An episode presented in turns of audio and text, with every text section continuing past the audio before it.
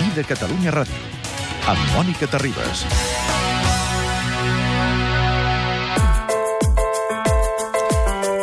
Avui és el dia de l'informe. Xavier Salamartín tenim la sort de tenir-lo aquí a l'estudi i, per tant, no vull esmerçar ni un minut, vull escoltar-lo. Xavier Salamartín, han anat bé aquests viatges per l'Aràbia Saudita? La situació econòmica allà està millor que aquí? Mm, sí, bueno, allà van bé si el petroli va bé.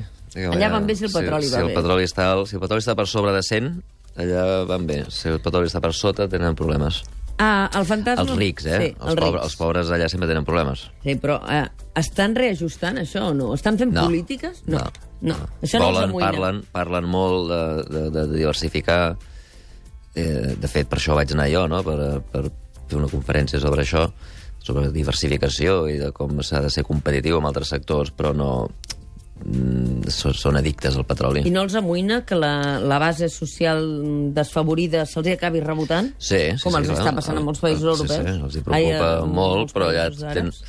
els hi preocupa molt la primavera ara, però Sí. allà tenen diguem, són una dictadura dura. Diguem, era, era molt curiós, per exemple, veure eh, jo estava parlant, hi havia com jo sé, 1.000 persones, hi havia 800 totes vestides de blanc a la dreta, llavors hi havia un vidre negre, vidre negre, Sí. i a l'esquerra meva doncs hi havia 200 eh, dones, totes vestides de negre, tapades fins als ulls, eh, totalment separades i no... Fins i tot les eh, professores americanes que, que parlaven després meu, mm. doncs també havien d'anar vestides de negre i estaven també posades a la secció de Però dones. elles no estaven tapades. I estaven al costat de Xavier Salamartín? Estaven amb vel, no, no, estaven vestides de negre Ah, i amb, sí, el, amb el amb vel, no, no amb la cara tapada, No, la cara tapada no. però diguem, una professora americana que, que, diguem, que, que feia el mateix que jo, doncs estava a la secció discriminada. I això no sembla que estigui canviant.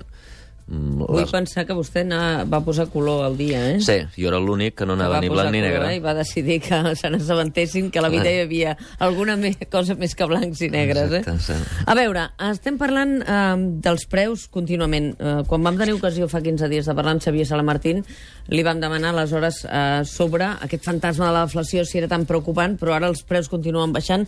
Al conjunt d'Espanya el creixement negatiu dels preus és un fet, estem al 0, menys 0,2%. Eh, realment, mm, això no es podria interpretar com una dada positiva de cara a ser més competitius eh, dins dels països de la zona euro? Sí, jo crec que és, eh, hi ha la lec- lectura positiva. De fet, eh, eh, això que, es, que, que els experts anomenen la devaluació interna, Sí. eh, que consisteix en fer els teus productes més barats en relació, per exemple, als alemanys, perquè tant els alemanys com la resta del món comprin els productes d'aquí i, per tant, ens ajudi a sortir de la crisi, eh, això, mm, com que ja no es pot fer a base de baratir la moneda, de depreciar-la, perquè tenim la mateixa moneda, doncs s'ha de fer d'altres maneres. Una gran part del sacrifici que fan els treballadors per, de, diguem, de, de, de veure com baixen els seus salaris és per això, perquè els preus mm, acabin baixant i es pugui vendre coses més barates. El problema de la deflació, si això continua mm, durant molt Sí. de temps, és que, eh, diguem, som un país molt endeutat.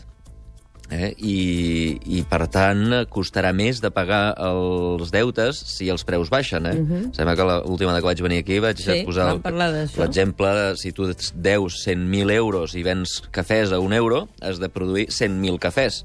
Si els preus baixessin a la meitat i el cafè val, val mig euro, aleshores hauries de fer 200.000 cafès per pagar el mateix deute. Mhm. Uh -huh. I com que som un país extraordinàriament endeutat, tant a nivell de famílies, com a nivell d'empreses, com a nivell de És bancs, exactament el que explicàvem sobre les autopistes ara fa una hora.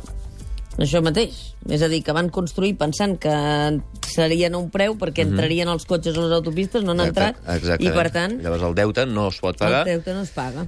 I aleshores, si el deute no es paga, aleshores entrem en un altre tipus de programa molt, diguem, gros, que és que, què passa amb la gent a la qual li deus calés, és a dir, els bancs.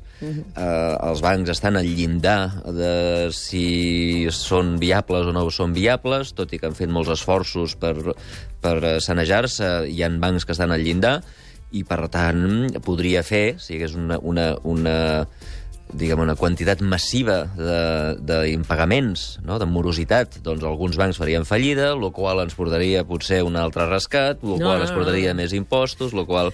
Per entens? tant, molt pendents de, de demà de la reunió del, pri, del, del Banc Central Europeu. Eh, quines mesures es poden prendre? Què podria anunciar el president Mario Draghi? Perquè fa un mes eh, aquí hi havia Xavier Salamartín, li van preguntar eh, per aquesta qüestió i va dir poden arribar a aprovar tipus d'interès negatius, ho recorda? Sí, sí, sí. I jo vaig estar molt pendent, perquè vaig dir, el guru de la Universitat de Colúmbia ha parlat, mm, he de veure què passa.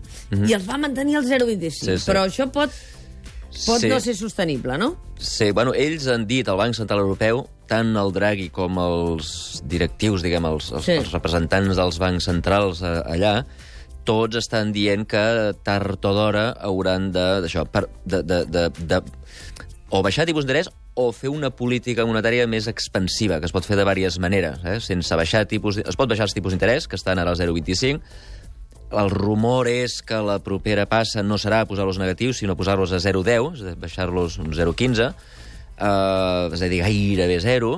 El proper pas, el següent, eh? I, i, i, i aquest proper pas, ja que, ja que estaràs, dius, dius que estàs pendent del Sí. que dic, el proper pas és demà, jo no crec que passi demà, eh? Però en el proper futur, eh, eh, o la reunió de demà, o potser a la següent, baixaran a 0,15, a 0,15, a 0,10, eh, i després podia ser que, que vagi negatiu. Però ten, tenen altres possibilitats. Poden fer, per exemple, com els americans, que sense baixar tipus d'interès, perquè ja no podien baixar-los, que uh -huh. ja estaven a zero, doncs el que feien era emetre diners, imprimir, fer una màquina, Sí. que, que fa una màquina, posen uns papers blancs, I sortien euros, eh, i, i compren deute públic. Mm. D'aquesta manera hi ha més diners en circulació, o també podrien Perquè fer... sembla que Alemanya ara això ja no ho veuria tan malament. Sembla que Alemanya, que s'havia negat sempre que el Banc Central Europeu comprés aquest deute públic, ara Alemanya diu que potser sí. Potser sí, però, però per això que dèiem, eh? la raó per la qual Alemanya so, suposa, sempre s'havia oposat eh, a emetre diners és que els, els diners fan pujar els preus. Uh -huh. eh? Recordeu, els diners serveixen per comprar coses. Eh?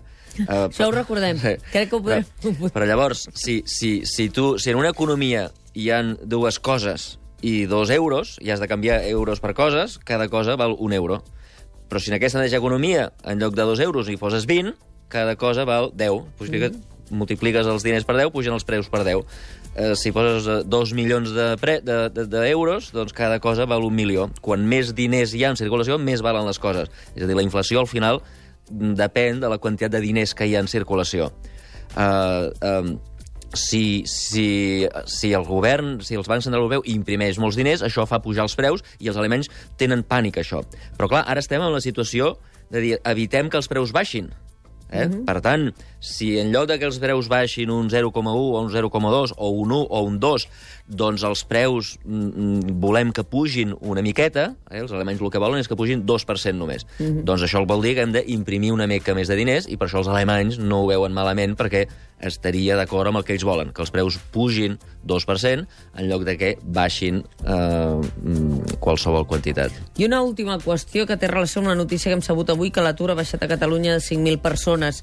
La Seguretat Social té un dèficit de 10.000 milions d'euros i, per tant, baixen les cotitzacions, pugen els pensionistes. Aquest és un dels problemes que tenim, perquè que baixi l'atur no vol dir que hi hagi més, més afiliats, que hi hagi més cotitzacions a la Seguretat Social. Exacte, l'atur pot baixar per dues raons. L'atur és la, la, la gent que busca feina i no en troba. Eh? Per tant, l'atur pot baixar perquè hi ha més gent que troba feina o perquè hi ha menys gent que en busca. Eh? I en aquest país, una de les coses que ha passat és que la gent que busca ha marxat. Alguns estrangers han tornat cap a casa seva, alguns d'aquí han anat a buscar feina a l'estranger i alguns d'aquí s'han quedat a casa ja cansats de buscar feina, mm. diuen, escolta, ja en tinc prou, i desapareixen de les llistes. Um, ara, en els últims mesos, sembla que comença a canviar l'atur per l'altra raó. Eh? Comença la gent a trobar feina, però jo insisteixo, i em sembla que això també ho vam dir la darrera vegada, compta amb les magnituds. De 5.000 en 5.000, per eliminar 600.000 aturats que tenim a Catalunya, tardarem dècades. I a Espanya, de 16.000 en 16.000, per eliminar els 4.800.000 que tenen, tardaran dècades. Per tant, eh, prenem aquesta notícia que és bona, però prenem-la amb, amb la magnitud que és. Eh? És bona, però no és lo suficientment bona com perquè eh, diguem que la crisi ja s'ha acabat. Existeix, diguem, de moment hem parat el cop, però no hi ha cap senyal que digui que estem tornant a remuntar el ritme que hauríem de remuntar, el que sí que de moment ja no anem enrere, i això, mm, com a mínim, és bo. Gràcies, professor Sala Martín. Surt, se'n va de viatge, per tant, ara desapareix amb un avió. D'aquí 15 dies ens tornarem a escoltar. No sabrem No on sab- serem l'un o l'altre, però ens tornarem, Però ens tornem a escoltar. trobar. Molt bé. Moltes gràcies. Vinga, fins Xavier ara. Sala Martín.